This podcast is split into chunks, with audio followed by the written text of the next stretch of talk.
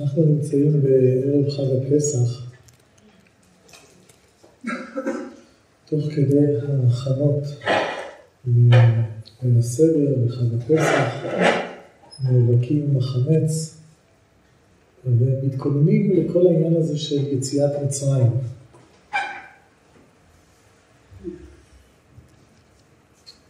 אחד העניינים העיקריים שקשורים עם כל הזמן הזה, ההתכוננות ליציאת מצרים,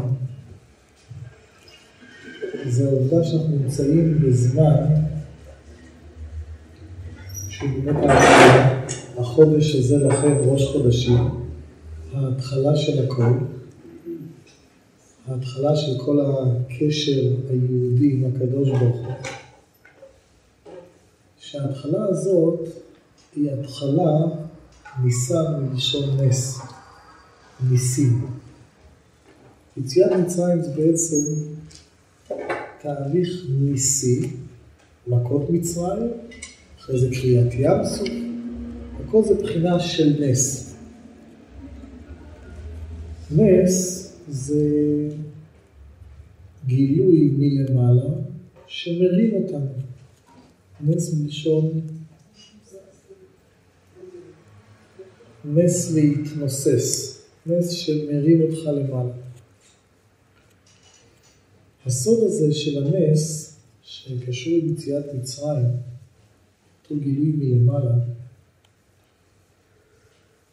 מובא במאמרי החסידות, שבמילה ניסן יש לנו פעמיים נון. ההתחלה של האות נון, מי, ניסן, והאות האחרונה, נון פשוטה ונון כפופה. האות נון, שקשורה לכאורה עם נס, ניסן, אות נון זה האות שמבטאת יותר מכל את הנפילה. הגמרא מספרת על דוד המלך, שכשהוא הגיע, כשהוא את המזמור תהילה לדוד, שאנחנו מכירים אותו מאשרי יושבי ביתך, שני הפסוקים המקדימים, למרות שהתחלת המזמור זה תהילה לדוד, מזמור שהוא אמר אותו כולו לפי הסדר של האלף-בית. ארוממך בכל יום אברכך, וכך הלאה, לפי הסדר של האלף-בית. מזמור שחכמים אמרו עליו, שכשאומרים אותו שלוש פעמים בכל יום, מובטחים שבני עולם הבא, כי כך המזמור הזה הוא חשוב. המזמור שאנחנו מכירים אותו עוד פעם, מזמור קמ"ה בתהילים, שהוא מתחיל עם שני הפסוקים שלפניו, שזה נקרא אשרי שבביתך, עוד ירלוך הסלע, אבל אשרי שבביתך זה בעצם הפסוקים של המזמור שלפניו. אז בתוך המזמור הזה, שהוא אמר את הסדר של הפסוקים לפי האלף-בית, כשהוא הגיע לאות נון, הוא נבהל.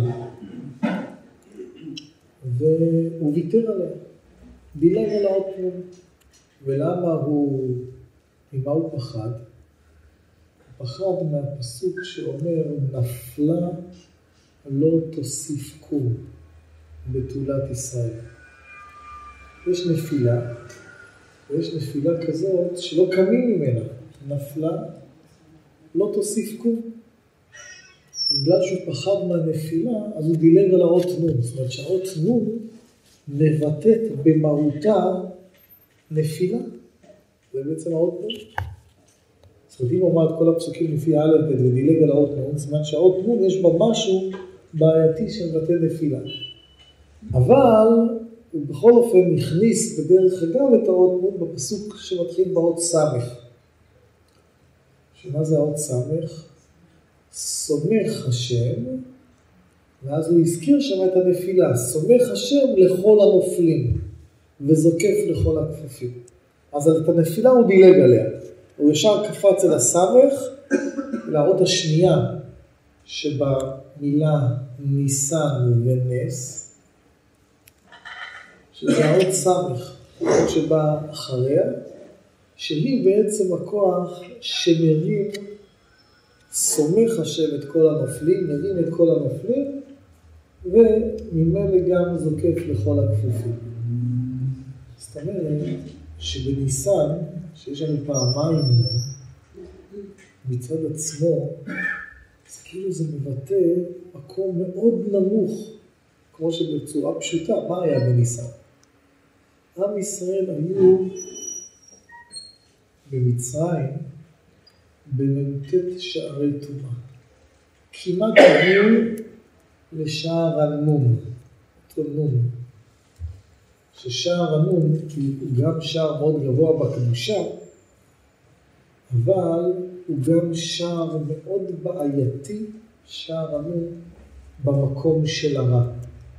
המקום של הרע, שער הנון במקום של הרע, זה בדיוק אותו נפלה לא תוסיף קום. אותה נפילה שאי אפשר לקום ממנה. זה באמת מה שחברים סיפרו לנו, שעם ישראל כשהיו במצרים, הם היו במ"ט שערי טומאה, וכמעט אם היו מגיעים לשער עמוד, הם לא היו יוצאים משם. היו במ"ט, כאילו בדרגה שלפני עומק הנפילה. אבל זה בעצם הפחד שהיה בכל המושג של גלות, אתה נמצא במקום של נפילה. אתה נקרא במקום שאתה לא יכול לצאת משם. איך בכל אופן יוצאים מאותה נפילה, מאותו עומק של תחתית? זה בדיוק גם שקרה ביציאת מצרים. ממ"ט שערי טומאה, כמעט שער המלך, קורה הנס. הנס זה נקרא התערותא דלעילא, התעוררות שבאה מלמעלה, אור שנמשך מלמעלה, ומוציא אותנו משם. לאיפה? מוציא אותנו ומרים אותנו אל החירות, אל הגאולה. יש לנו בניסן כאילו שני צדדים, צד של נס, שזה עוד פעם יציאת מצרים, צד של גילוי מלמעלה שמרים אותנו, שחודש ניסן, כמו שמיד נסביר, כולו, או כל הסוד שלו, זה האור שנמשך מלמעלה, זה העיקר. כולו גילוי מלמעלה, אבל זה לא סתם גילוי מלמעלה, גילוי מלמעלה שמרים אותנו מהמקום שמסוגל להיות הכי ימוד. במילים פשוטות, אם נגיד את זה, כשאנחנו רוצים להזדהות עם יציאת מצרים, ועם כל התהליך הזה של יציאת מצרים, גם אם אתה מוצא את עצמך במקום מאוד מיואש, מאוד קשה, מאוד גלותי, מאוד שאתה לא רואה שום תקווה. מקום שהוא כאילו נפילה כזאת, שאו-טו-טו אתה חושב שבנפילה כזאת אי אפשר לקום. נפלה לא תוסיף קום. עכשיו, נפלתי כל כך, אני נמצא בכזה נפילה, שאי אפשר להתרומם ממנה. וכמו שאמרנו, זה באמת המקום הזה, הוא מאוד מפחיד. זאת אומרת, כשחכמים תיארו שעם ישראל היו במ"ט שערי טומאה, ואו-טו-טו היו בשער הנון, זאת אומרת שזה מקום מאוד מאיים. זה כמו מישהו שהולך על התהום, והתקרב, והתקרב, והתקרב, והתקרב לתהום, והוא הגיע לאותו מקום שצעד אחד כבר אי אפשר לצאת משם. אבדות מוחלט. אז ודאי שאתה צועד על התהום, במקום הכי קרוב, זה באמת, זה הפחד הכי גדול, וזה פחד דוד המלך, כי באמת, הכוח הזה של הנפילה הוא כל כך גדול, הכוח הזה של הגלות הוא כל כך גדול, שאתה בהחלט יכול לחוש את התחושה הזאת שנפלתי ואני לא יכול לקום. זה בעצם העומק של גלות מצרים.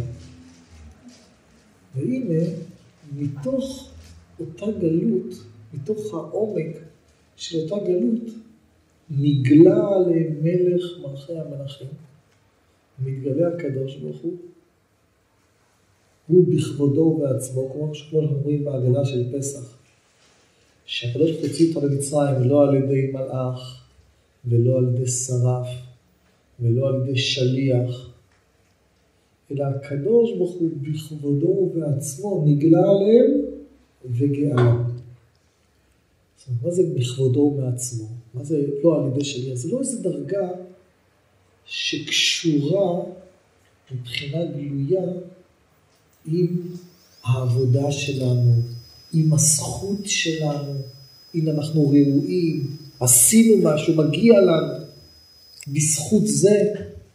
לא, זה לא בזכות זכות, אלא לא בכוח התערותא דלתתא, לא בכוח איזו התעוררות שאתה עשית, שבעקבותה מגיע לך הגילוי, אלא באיזה כוח? נגלה למלך מלכי המלכים הקדוש ברוך הוא בגלה, הוא בכבודו בעצמו. לכן כשחכמים תיארו את היציאת מצרים, היה איזה מין מקום שהיה מאוד מפחיד. אלה עובדי עבודה זרה, אלה עובדי עבודה זרה. אז כשהקדוש ברוך הוא בא לגאול, למה שהוא יכה דווקא את המצרים, מכת בכורות, למה דווקא את המצרים? לכן צריך לעשות סימן על הפתח, דם על המשקוף, איזה הבדלה, שהקדוש ברוך הוא בוחר להכות, כי מצידם, מצד עצמם, כאילו, בתוך אותו גילוי, הם לא ראויים אליו. זה לא מקום של להיות ראויים, אלא זה גילוי שנמשך כולו מלמעלה, שמוציא מתוך המקום הלא, הלא ראוי הזה. מתוך אותו מקום של נפילה, משם באה הרמה, להרים אותך, נס מלשון הרמה, להרים אותנו לגובה הכי עליון. בזכות מה? לא בזכותנו. עכשיו זה בעצם, מה שכרגע תיארנו, זה בעצם שורש הרעיון, מה זה בעצם יציאת מצרים? יציאת מצרים זה התחושה שאתה מצד עצמך לא ראוי, אתה אפילו מצד עצמך שוקע שוקע עד למקום הכי מפחיד, אבל הקדוש ברוך הוא בחסדו מוציא אותך. עכשיו המקום הזה, שהוא בעצם הסוד של יציאת מצרים, שכמו שאמרנו מאוד קשור עם חודש ניסן, שבו הייתה יציאת מצרים.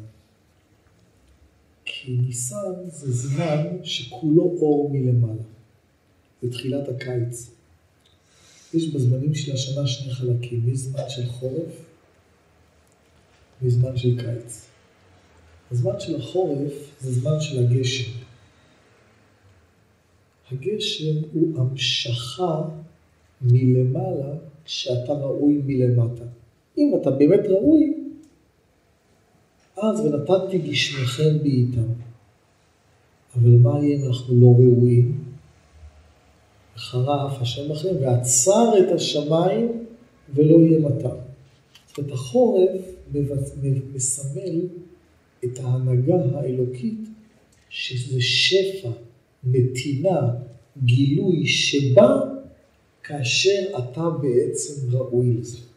אתה ראוי, מגיע לך, אתה בסדר, עשית את מה שצריך לעשות, עשית בלשון של החסידות, עשית התערותא דלתתא, עשית את הכלי, הכנת את ההכנה מלמטה, היית כמו שאתה צריך להיות, בעקבות הכלי שהכנת, ככה יימשך הגילוי, ככה ייתנו לך מלמעלה אור. לא תכין, לא תקבל. לא תתכונן, לא תקבל. עכשיו בהחלט יש מקום כזה. בחיים הרוחניים כאן יש הנהגה כזאת, אלוקית, שקשורה שהשפע ניתן לנו בהתאם להתכוננות שלנו. באמת החורף מתחיל בחודש תשרי. ויש לנו את ראש השנה. מה זה ראש השנה? יום הדין. מה אנחנו, מה, מה מודדים אותנו ביום הדין? עבדנו כל השנה, עשינו את מה שצריך, בעצם זה נקצב, נקצב לך השפע, החיות, השפע האלוקי ניתן לך בעקבות מה שהכנת לפני זה. מראש השנה נמשך אור חדש, אבל האור הזה הוא לפי ערך העבודה שלך. לכן זה גם זמן של תשובה, חודש תשרי. כי אם אתה לא ראוי, תתקן, תעשה תשובה ותתקן, כדי שאתה תהיה ראוי לקבל את השפע. לכן יש לנו חודש אלול, שזה חודש של הכנה, אחר כך יש לנו את עשרת ימי תשובה, כל העבודה שלנו זה עבודה להיות ראויים לקבל את האור מלמטה. חודש ניסן זה לא זמן של גשם. עוד מעט, ב... ביום הראשון של פסח, אנחנו נברך את הטל. בספרי החסידות מבואר שהטל זה הסוד של השפע שנמשך מהשמיים, שאף פעם הוא לא נעצר. כשאליהו עצר את הגשם, את הגשם הוא עצר, כי עם ישראל לא הראיו, אבל הטל המשיך. טל לא תלוי בהתערותא דלתתא.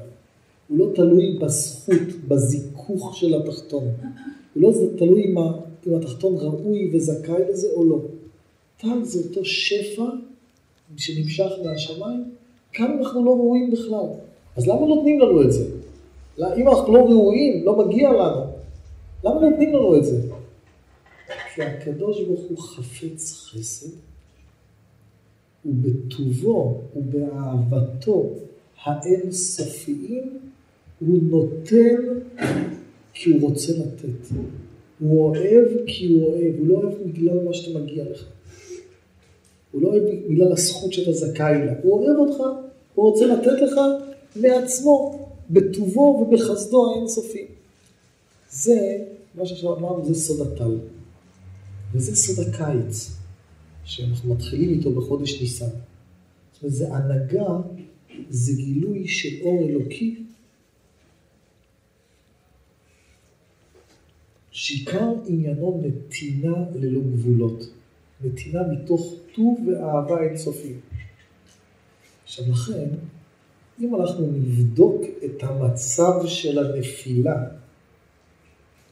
אותו מצב שאנחנו לא בסדר, אותו שאנחנו במ"ט שערי טומאה, נבדוק את המצב של הנפילה על פי הסוד של החודש תשעי, על פי הסוד של החורף, מה יהיה גזר הדין? תישאר למטה. אתה לא ראוי. זאת אומרת, אם אתה מודד את זה על פי, אם אתה במצב של נפילה ואתה נמצא במצב שאין התערותא דלתתא, אם אתה במ"ט שערי טומאה, אז על פי זה, על פי העניין הזה, אתה לא תקבל, אתה לא ראוי, אתה לא תקבל.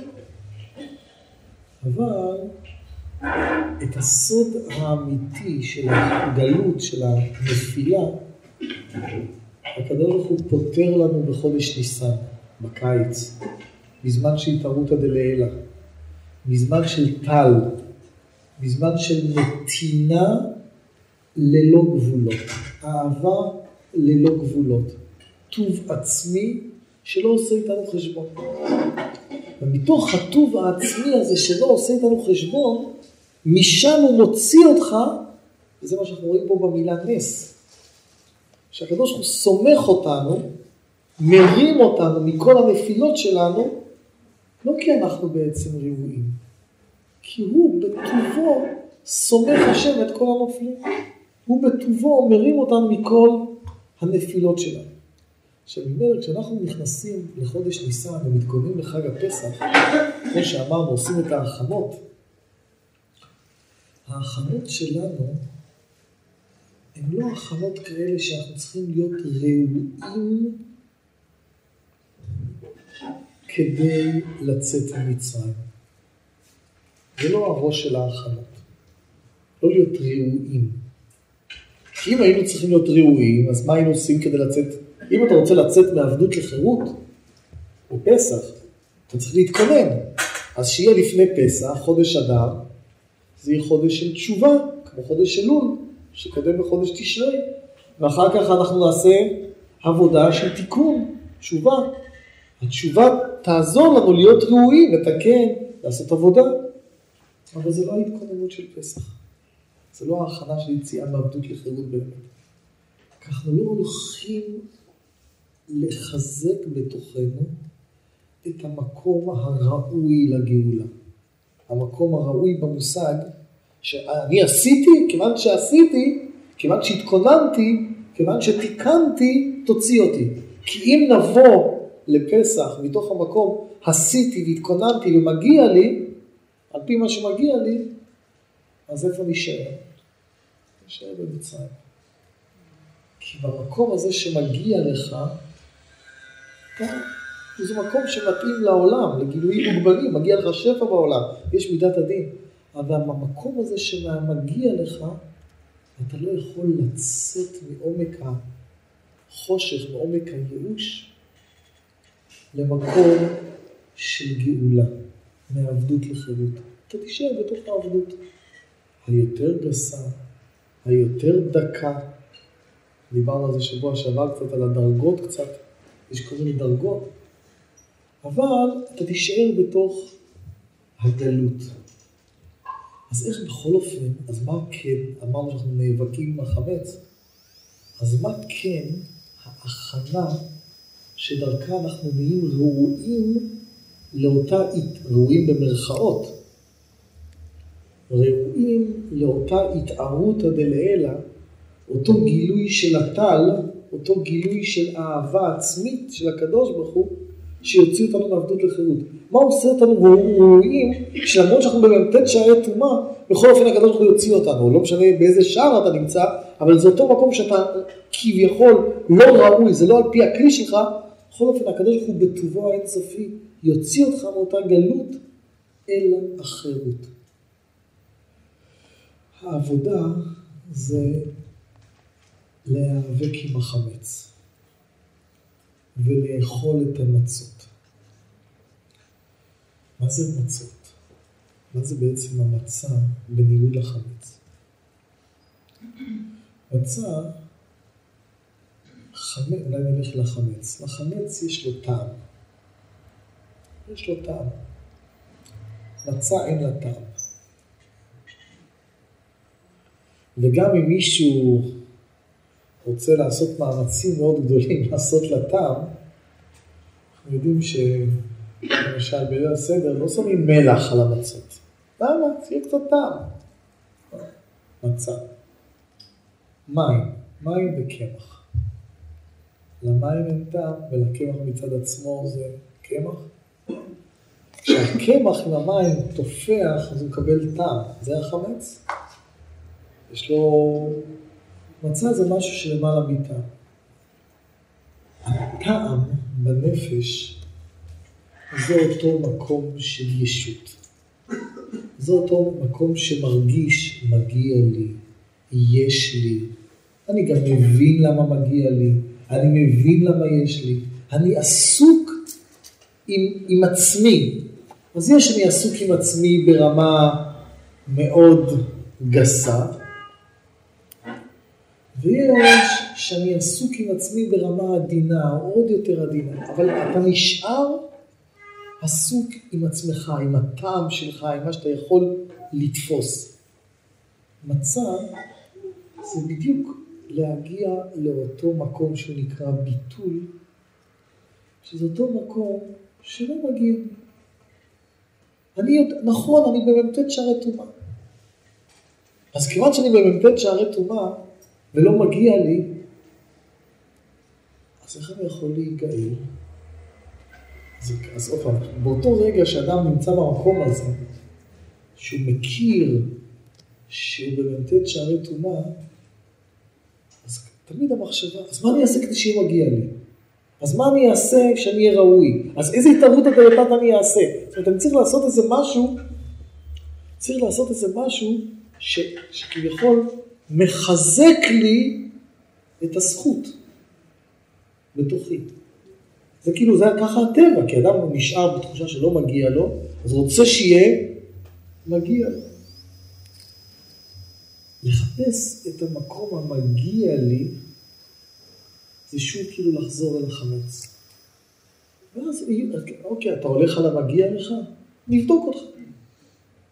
נעשה לך דין, אתה אומר שמגיע לך, אתה אומר שאתה ראוי, אתה אומר שעשית מספיק התערותא דלתתא, ראוי לך לצאת ממצרים, נבדוק אותך. מסתכלים המלאכים על עם ישראל שנמצאים במצרים, אומרים, רגע, אלו עובדי, במה אתה שונה מאותו... בוא תסתכל, איך עוברים היום יום שלך, איך עוברים החיים שלך, איך עוברים, כמה אתה, לפי ערך אתה עשית מה שצריך, כמה לא עשית מה שצריך. אז אתה עושה את הבחינה הזאת, על פי באמת מה שמגיע לך, או יבחנו אותך על פי מה שמגיע לך, אז כמו שאמרנו, אתה תישאר בעבודות. תישאר שם. כי על פי המגיע, המושג הזה מגיע, אז אמרנו, אתה נכנס לאיזה ראש? אתה נכנס לחודש תשרי, נו, אז שמה, אתה עדיין בתוך העולם, בתוך הגבולות של העולם. אז מה, אז כשאתה מגיע לאותה הכרה שאני בגלות, שלא מגיע לי, שאני בתוך מ"ט שערי טומאה, אז מה הוא עושה? איך הוא יוצא ממצרים? הוא אוכל מצות. מה זה אוכל מצות? הוא אוכל משהו שלמעלה מאיתנו. הוא מבאר את החמץ, הוא מבאר את כל המקום של המגיע לי, כל המקום של הישות. אז מה הוא בעצם אומר? הוא בעצם אומר לעצמו, אני לא מגיע לי, אבל הקדוש ברוך הוא בטובו, כי הוא טוב, אם הוא רוצה, הוא יכול לגאול אותי גם אם לא מגיע לי. הוא יכול. זאת אומרת, זה לא בא מכוחי, זה לא בא מהזכות שלי. זאת אומרת, וזה, זאת ההתבטלות, זה המצב. מצב זאת התחושה שזה נקרא לחם עוני. לחם עוני, למה זה לחם של עני? בכלל בספרים מובא שהמילה עוני, עני, זה השורש המילה ענווה בעברית. כך מובא ספרים שהמילה ענווה, השורש שלה מענה, ענה זה עני. מהעני באה הענווה, המילה ענווה. מה זה העני? העני, מה התחושה העיקרית של עני? הוא עני, אין לו. אין לו פירושו, לא מגיע לו. מגיע לו? לא מגיע לו. מי שמסתובב שמגיע לו, אתה לא תיתן לו. מה, אתה מגיע לך? אם מגיע לך, אז אתה נראה מה מגיע לך. תלך, תעשה מה שמגיע לך. האדם בא ואומר, לא מגיע לי, אין לי, אבל אני צריך אותך. צריך שתיתן לי. תן לי צדקה. צדקה זה לא כי מגיע לי, צדקה כי אין לי, ואתה בטובך תיתן לי. עכשיו, המצה היא לחם עוני, זאת אומרת, זה לחם שהתחושה הפנימית של האדם, שאדם צריך להתעורר בה ולרכוש אותה, זו אותה הכרה פנימית, גם שאני יודע שאני אני, אני ממעשים, אני מדעת, חכמים אין אני אלא מדעת, אני חסר לי תודעה אמיתית, חסר לי מעשים שאני צריך לעשות, אני אני. אז אם אני אני, מה יש לי? אין לי להישאר, אלא על אבינו שבשמיים. אני, אני יכול לסמוך עליך, שאתה תוציא אותי. הענווה הזאת שמפנה, שמוציאה את התחושה מי כביכול המגיע לי, או אני אעשה כדי שיגיע לי, להיסמכות על החסד האינסופי של הקדוש ברוך הוא, על הטוב האינסופי של הקדוש ברוך הוא, זה בעצם הענווה של המצב. זה הלחם עוני, זה נקרא ביטול. לכן, התכונה העיקרית של המצב זה בעצם ההתחברות עם ההכרה שהכל ניתן מלמעלה, והמושג הטוב ניתן מלמעלה פירושו, הכל ניתן מלמעלה ללא תלות במלמטה. זה עיקר המושג, הכל ניתן מלמעלה. זאת אומרת, הקדוש ברוך הוא נותן מלמעלה גם אם לא מגיע לך, וגם אם אתה לא ראוי, וגם אם אתה במ"ט שערי טומאה, וגם אם אתה בייאוש הכי גדול, וגם אם מגיע לך אחרת. אבל הקדוש ברוך הוא נותן, זה, זה הסוד של פסח, שהוא בכבודו ובעצמו נגלה ומוציא אותנו ממצרים. לא כי עשינו משהו, לא כי אנחנו ראויים לזה, אלא הוא בכבודו ובעצמו נגלה ומוציא אותנו ממצרים. אז לכן ההכנה לזה זה לא לעבוד על המגיע, אלא ההכנה לזה זה לבטל את הישות. לבטל את תחושת המגיע לי. תבין סוף סוף שלא מגיע לך. ואז אני נבהל, מה יהיה? לא, כשתבין שלא מגיע לך, הוא יוציא אותך משם. למה הוא יוציא אותי לא מגיע לי? אתה עושה חשבון, אתה אומר, אם מגיע לי הוא יוציא אותי, לא מגיע, לא, הוא יוציא אותך כי הוא יוציא אותך, לא כי מגיע לך. בטובו האינסופי, הוא יוציא אותך. אז אם אתה נכנס לאותה מצע, לאותו ביטול, לאותה הכרה פנימית שלא מגיע, אז, אז יש את ההתמסרות האמיתית. אז אנחנו כאילו פותחים את הפתח, מפסיקים להפריע לו.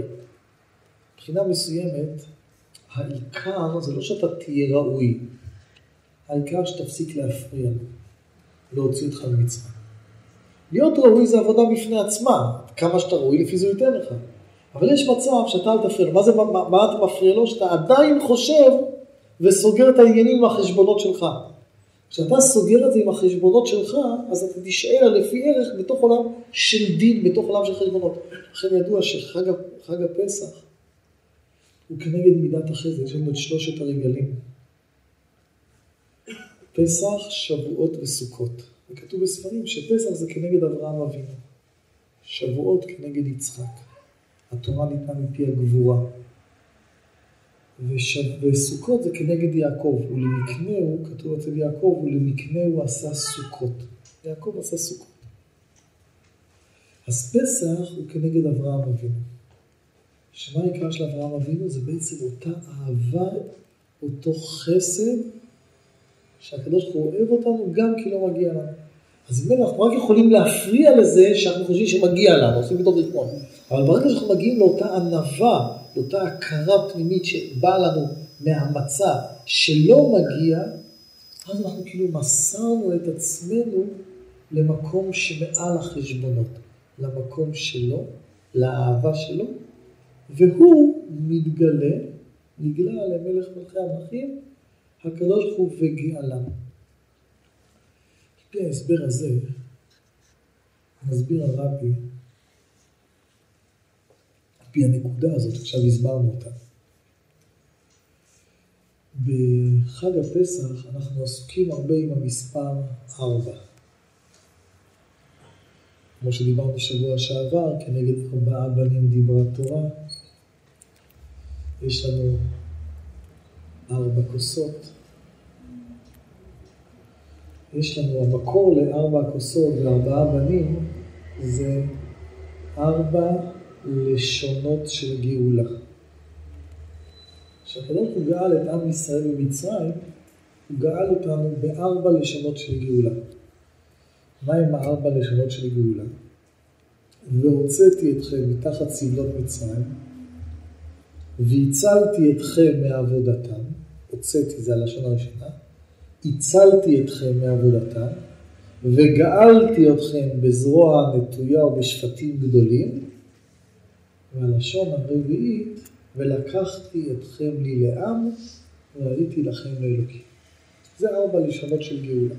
שהקדוש ברוך הוא מעיד מה הוא הולך לעשות. הוצאתי והצלתי וגאלתי ולקחתי. כיוון שיש ארבע לשונות של גאולה, אנחנו שותים ארבע כוסות. כנגד כל אחד מהלשונות. כמו שאמרנו, כל, המגיע, כל ההגדה קשורה עם הסוד הזה של ארבע. אבל יש תופעה מוזרה. שכשאנחנו לוקחים את המצות, כמה מצות אנחנו שמים בקערה? שלוש מצות. כן, מה קרה למצה הרביעית? היה יותר ראוי שיהיו ארבע מצות, בדיוק כמו ארבע כוסות.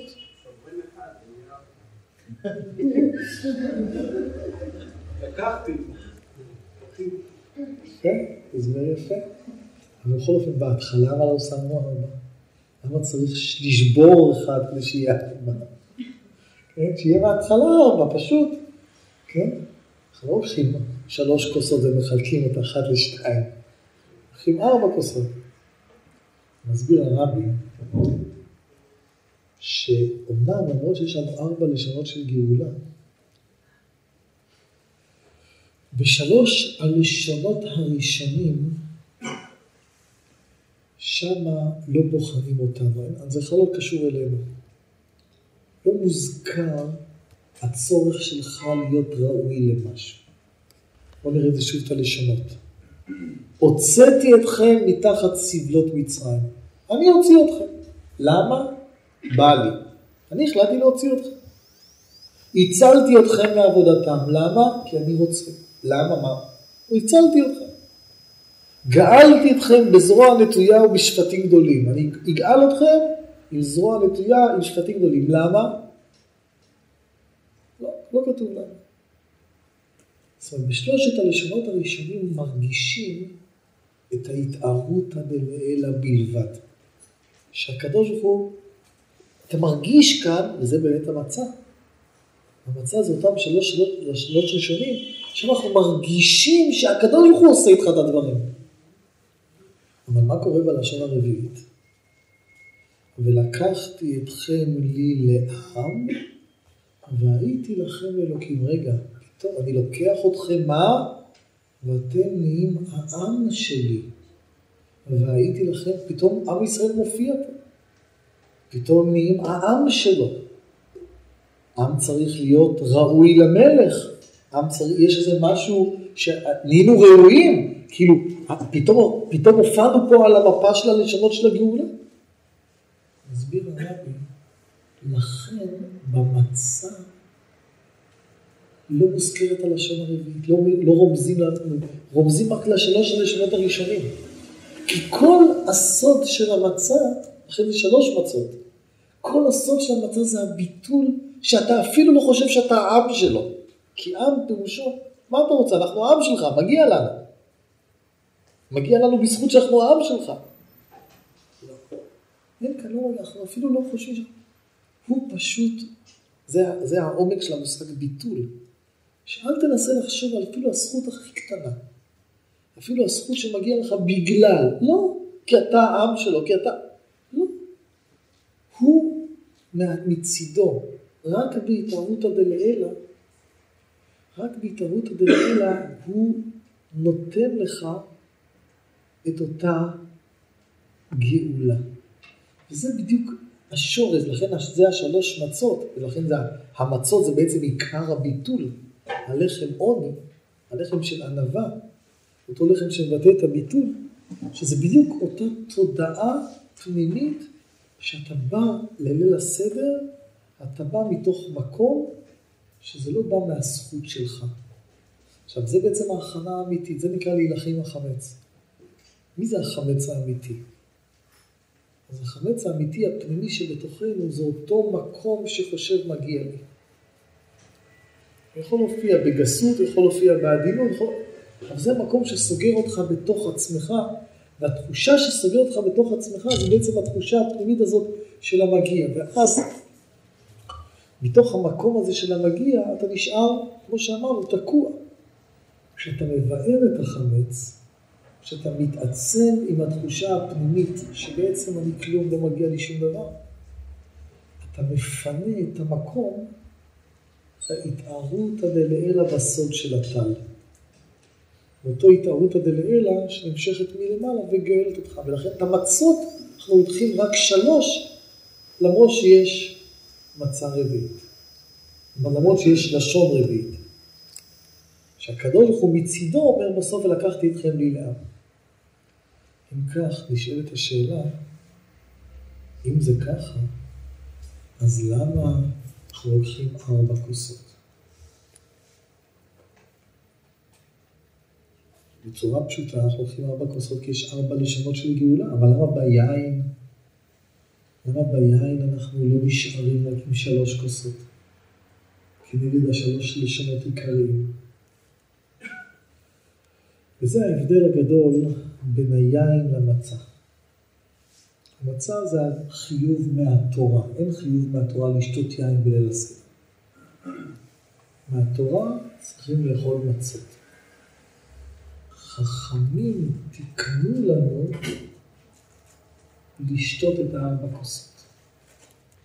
זה רק חיוב מדרבנן. כי המהות של יציאת מצרים, כמו שהיא באמת מהתורה, תורה שבכתב, המהות של יציאת מצרים זה ההתערותא דלעילא, שתיארנו אותה מקודם. אבל מה זה העניין של היין? הרי יין הוא בדיוק הפוך מהמצה, היין יש לו טעם.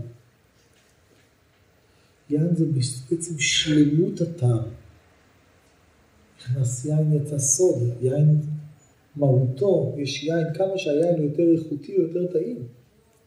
יין זה כולו טעם. באו חכמים ותיקנו לנו שאנחנו צריכים אחרי המצה, זאת אומרת אחרי המצה הכוונה, מעבר להתגלות הזו שנמשכת למעלה, מעבר לטעם שבא מלמעלה, אנחנו צריכים גם לטעום את המחלות. זאת אומרת, להפנים את הדברים בתוך המציאות שלנו. שאחר כך לא מספיק מצות, תשתה גם ארבע כוסות. זאת אומרת, תכניס לתוך הגאולה, לתוך אותה גאולה שגואלים אותך מלמעלה, תכניס גם את השותפות שלך. לכן אנחנו משתמשים כנגד הלשון הרביעית, שמה זה הלשון הרביעית? ולקחתי אתכם לי לעם. תבין גם את מה שאתה שותף פה בתוך העניין. אבל זה רק כתוספת למצות. זה לא המהות האמיתית של זה. וזה, את החמץ אתה מבאר לגמרי. אתה צריך להסתובב בתוך תחושה, להסתובב בתוך תחושה אמיתית, שאתה פונה רק כלפי מעלה. אז מה נקרא, מה נקרא לשתף את הטעם? טעם זה את השכל. איך נשתף את השכל? מה, מה צריך לטעום פה ששותים את היין? מה זה לטעום את הארבע לשון של גאולה גם עם טעם? זאת אומרת, להבין בשכל, להבין זה טוב, בטוב טעם, זה הביטוי של השכל, בטוב טעם, להבין איך באמת לא מגיע לך כלום.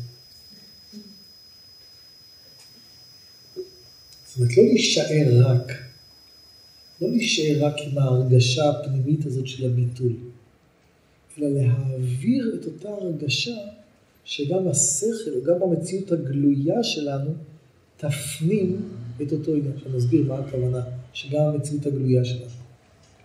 כי לכאורה, מי מסוגל להרגיש את אותו ביטול מוחלט, את אותו הרגשה שלא מגיע לי כלום, והכל הקדוש ברוך הוא עושה חסד איתי.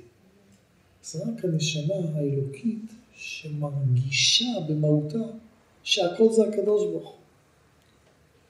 הנשמה האלוקית מסוגלת לחוות את החוויה הזאת. למה הנפש הבהמית שלנו לא מסוגלת לחוות את החוויה הזאת? ואפילו הנפש השכלית לא. הרי ידוע שלאדם יש שלוש נפשות. נפש אלוקית, שהיא חלק אלוקא ממעל ממש. נפש שכלית, שזה השכל האנושי, והנפש הבהמית, שזה המידות של הישות.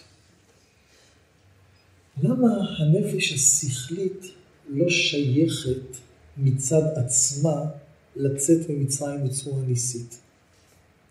כי השורש שלה זה אני מבין. אם אני מבין, הכל עומד על מה? על האני שלי, על המגיע לי. אז כיוון שהכל עומד על המגיע לי, אז איך תצא? אתה שם, אתה, אתה כאילו מראש בונה לך בתוך התודעה את הסיבות למה מגיע לך. כי זה האני שמרגיש את עצמו. אבל מי מסוגל באמת להיות בטל? להיות בלי תחושה עצמית בכלל, להגיע לאותה ענווה אמיתית. זאת הנפש האלוקית, זאת האמונה שלה. עכשיו אני אסביר קצת יותר את המשפט הזה, מה הכוונה שזה הנפש האלוקית. ידוע שאחד הלשונות שכתובים בזוהר על המצה, שהיא מחלה במאמנותא, מאכל של אמונה. ומה הביטוי שזה מאכל של אמונה? שאתה אוכל אותה, האמונה מתחזקת, האמונה מתגלה. זה מאכל שמבטא ומחבר אותנו עם הסוד הזה של האמונה. מי מאמין באמת? הנפש האלוקית. הנפש האלוקית מסוגלת להאמין, ומילא להרגיש את זה, איך הכל זה הוא, לכן לא מגיע לך שום דבר. הבורא הוא אחד, ואין שום דבר חוץ ממנו, ולכן לא מגיע לך שום דבר, אלא הכל הוא נותן. הנפש האלוקית מסוגלת להרגיש את זה. הנפש השכלית לא מסוגלת להכיר את זה. יש בה משהו בסיסי שמעמיד את הכל על החשבון המגיע. כי היא קיימת. אם אני קיים, אז מגיע לי משהו. לכן, הנפש האלוקית, כאילו לפי זה, אנחנו הרי יש בנו גם נפש בהמית וגם נפש שכלית וגם נפש אלוקית. ממילא זה אומר לנו בצורה פשוטה שאת המצע או את הביטול הזה, אתה לא תוכל לצפות אותו מהאני הגלוי, מהנפש הבהמית או מהנפש השכלית. אל תצפה את זה מהם. כמה שתגיד לנפש הבהמית שלך כרגע, בואי תכירי שלא מגיע לך כלום, היא תצעק לא מגיע לי. תריב יצעק, באיזה מקום תישאר. מי, איפה אתה יכול באמת לטעום את אותה חוויה אמיתית שהכל זה הוא והכל זה חסד שלו מלמעלה? זה רק בנפש האלוקית. שהיא באמת מאמינה באחדות הבורא, היא מרגישה שהכל זה הוא. היא לא לוקחת שום דבר לעצמה, כי היא אלוקית. היא בטלה בעצם, אז היא מכירה שהכל זה הוא. הנפש האלוקית, התכונה העיקרית שלה, כמו שאדמו"ר הזקן אומר בתניא, זה תכונת החוכמה. החוכמה, הספירה של החוכמה, מה זה? אומר האדמו"ר הזקן, זה ההכרה הפנימית שהוא לבדו, הוא ואין זולתו. זאת אומרת, זה להכיר שהקדוש ברוך הוא הכל. אז אם הקדוש ברוך הוא הכל, הוא יעשה את הכל, הוא מנהל את הכל, זה לא אתה בכלל, הרי הוא הכל. זאת אומרת, זה מקום פנימי שמכיר, אני כלום, או אני חושך, לא משנה מה אני, אני חושך, במ"ט שערי טומאה, אבל הוא, אני מאמין שהוא יכול. הנפש האלוקית נותן לך את התחושה הזאת להאמין, למסור את עצמך שהוא יכול ויגאל אותך. אבל למרות שהנפש האלוקית מסוגלת, בעצם הנפש האלוקית אוכלת מצות. הנפש האלוקית היא נהנית מהמצות את כלות הנפש. הנפש האלוקית. אולי השיניים והנפש הבהמית של האדם, כן, ואולי עוד תופעות לא כל כך נהנים מהמצות, אבל הנפש האלוקית היא נהנית כי זה בדיוק המזון שלה. זה בדיוק המזון שכולו מבטא את האמונה מלמעלה, את אותו מבטא את אותו ביטול, כולו מבטא את, את החסד של השם, שהכל זה חסד של השם. אבל צריכים להסביר את זה גם לשכל שלנו. להוריד את אותה נפש אלוקית, את אותו אור של אמונה, את אותו אור של ביטול, גם לתודעה הגלויה, גם לשכל, ואפילו שהנפש הבהמית תבין בסוף שהכל זה הוא. ולהסביר את זה לנפש הבהמית ולנפש השכלית, בשביל זה צריכים את הארבע כוסות. בשביל זה צריך, בשביל זה צריך את הטעם, שכמו שאמרנו קודם, בוא נבין את מה שלמעלה מהטעם, ולכן מי תיקן את זה? חכמים. זה תקנת חכמים. חכמים תיקנו לנו את התוספת הזאת, כי הם רצו לתקן גם את הרבדים החיצוניים של העולם, ובשביל לתקן גם את הרבדים החיצוניים של העולם, בשביל זה צריכים גם את השתייה של הארבע כוסות. עכשיו אני אסכם פה את הנקודה, אז מה בעצם יוצא? שבעצם הכוח האמיתי של יציאת מצרים, אתה לא יוצא ממצרים בארבע כוסות. בפורים אתה יוצא ממצרים עם ארבע כוסות. אבל בפסח, בפסח אתה יוצא ממצרים מהמצה. אבל כדי שגם התודעה היותר נמוכה תשתתף, צריכים גם את הארבע כוסות. צריך שזה יתלבש גם, שזה ירד גם להשגה הפנימית. שבסופו של דבר תבין גם בשכל איך בעצם הכל ניתן מלמעלה.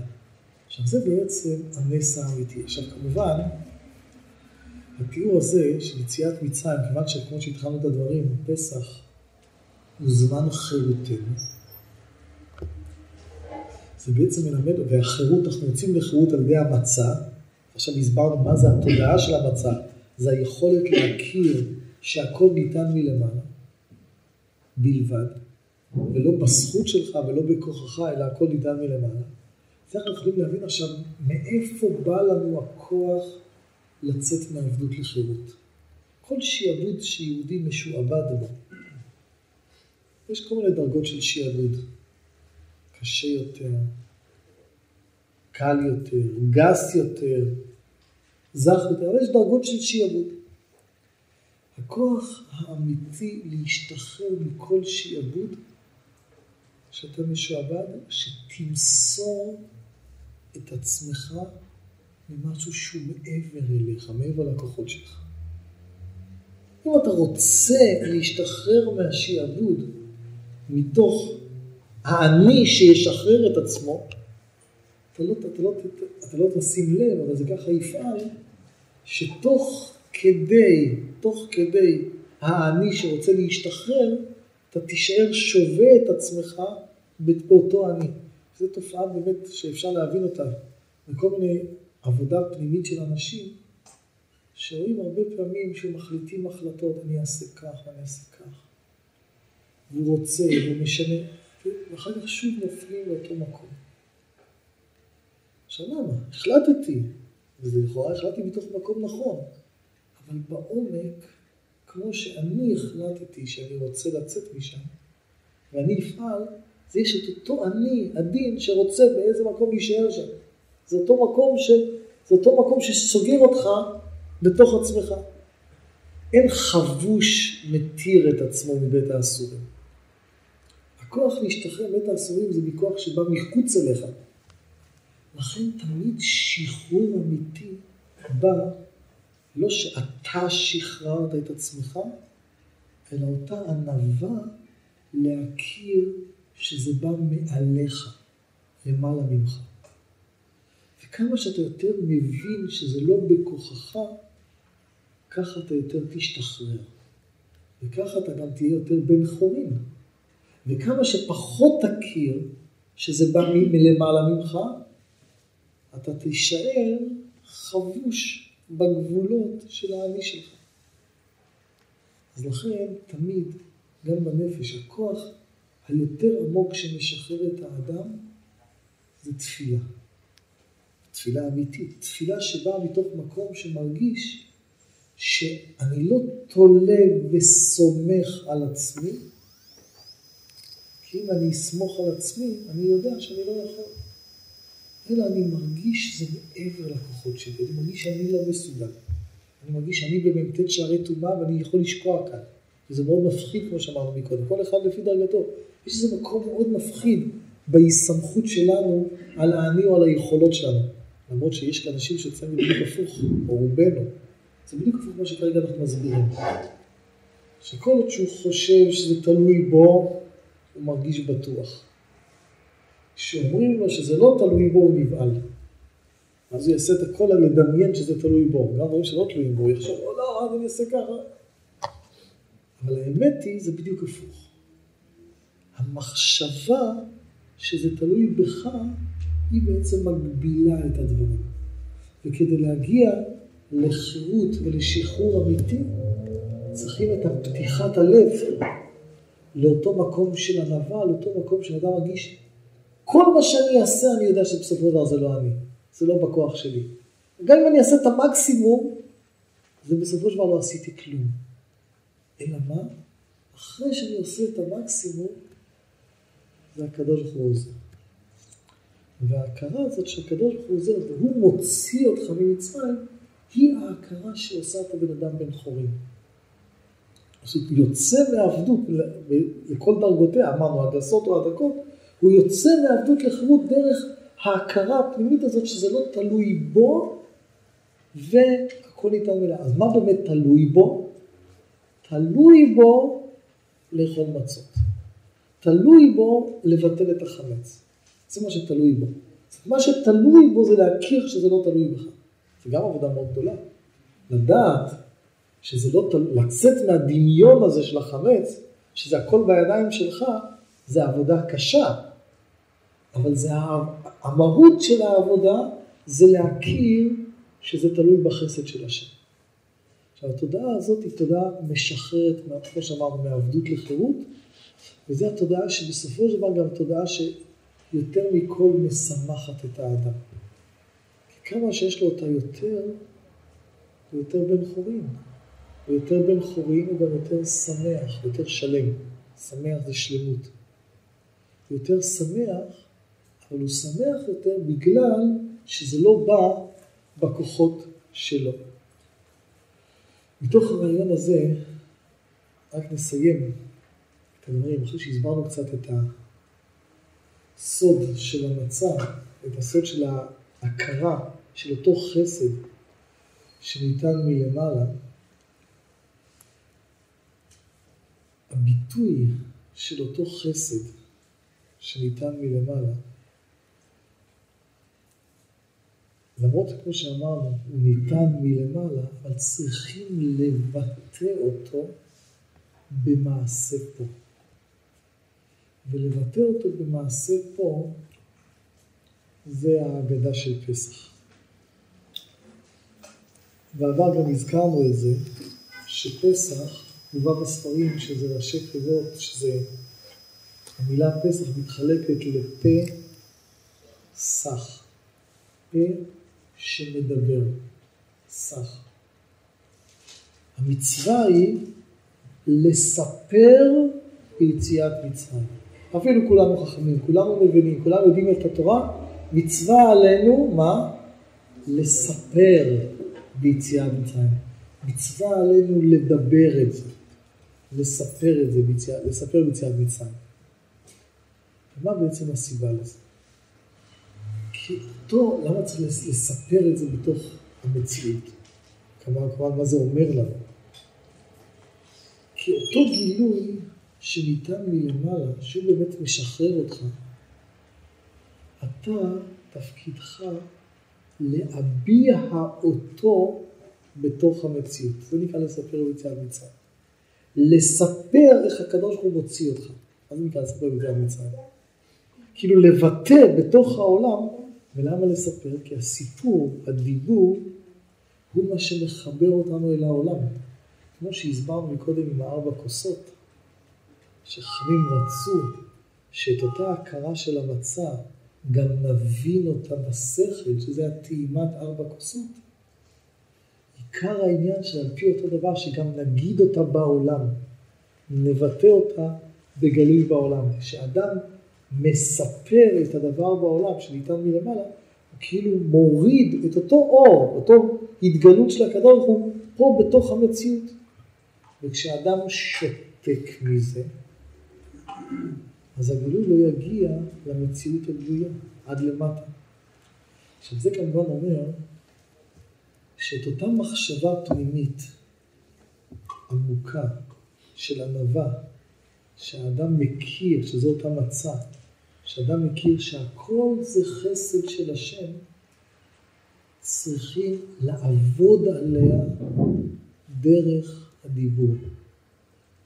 לעבוד עליה פירושו, לא ליצור אותה, כי זו תחושה שנמצאת עמוק בתוך הלב, אותה ענווה פנימית שבלב, שאתה מכיר, הקדוש הוא מוציא אותך. אבל אתה חייב לשנן אותה, לבטא אותה בדיבור בתוך המציאות. עכשיו, מה זה בעצם לנו? בצורה הכי פשוטה זה כמו על דרך שיהודי תמיד אומר, בעזרת השם, ברוך השם. למה הוא אומר בעזרת השם? הוא צריך לשנן לו בדיבור את ההכרה הזאת, שזה לא כוחו ולא עוצם ידו, זה הקדוש ברוך הוא עוזר. כאילו להוריד את זה לתוך המציאות. אבל ההורדה הזו לתוך המציאות היא גם בעצם מגלה יותר בתוך העולם את אותו דבר. זה נקרא לספר ביציאת מצרים. אחד הביטויים שמובאים בחסידות למילה לספר, שלספר זה בא מהשורש של ספירה וספיר. אבן ספיר זה אבן, אבן מהירה. אז מה זה נקרא לספר ביציאת מצרים? צריך להאיר גם את המצרים. להאיר, לספר, כאילו לגלות גם בתוך המצרים, גם בתוך המקום המגיע לי, גם בתוך המקום הנופל, גם בתוך המקום שסגור בתוך עצמו, אתה חייב להאיר לשם, לספר לשם את אותו גילוי שנמשך מלמעלה. לכן ממילא יש לנו בניסן מצד אחד את הגילוי הכי עמוק, החסד הכי עליון, הנס, שנמשך מלמעלה, מצד שני, בגלוי, חודש ניסן, החוש שלו, כמו שכתוב בספר יצירה, זה חוש הדיבור. מעבר להגדה ולפסח, בספר יצירה כתוב שלכל חודש יש את החוש המיוחד שלו. העבודה המיוחדת שקשורה עם אותו חודש. העבודה המיוחדת שקשורה עם חודש ניסן זה הלדבר. לדבר פירושו להוריד בדיבור לתוך המציאות, לגלות בתוך המציאות את אותו נס. באמת אותה תופעה מעניינת שהרבי גם בשנים האחרונות עסק בה, ביציאת מצרים הכללית של הדור שלנו, שעם ישראל עכשיו מוכן לקראת הגאולה, אז אחד הדברים שהרבי דיבר עליהם בתוך אותו עניין, שצריכים לספר את מעשה הניסים. כשיש ניסים, צריך לספר אותם, לדבר עליהם. למה אתה צריך לספר את הניסים? שוב, להוריד לתוך העולם החשוך את אותו התגלות שניתנת מלמעלה למעלה מטעם ודעת. זה נקרא לספר את אותם מעשים של הניסים, זה כמובן אומר גם בחיים שלך, שכשאתה רואה את החסד של האמיתי שמשחרר אותך, תפקידך לספר אותו לעצמך. אל תשאול, תשאיר, אם לא תספר אותו קודם כל לעצמך, אז הוא יישאר שם למעלה, בנפש האלוקית, אתה צריך להוריד אותו עד למטה מטה, ולכן ההמשך של פסח, כמובן, זה עוד נדבר בעזרת השם בהמשך, זה אחרי זה ספירת העומר, שכולה לספר ולהאיר לתוך העולם את אותו גילוי שנמשך מלמעלה. נעצור כאן, ושיהיה...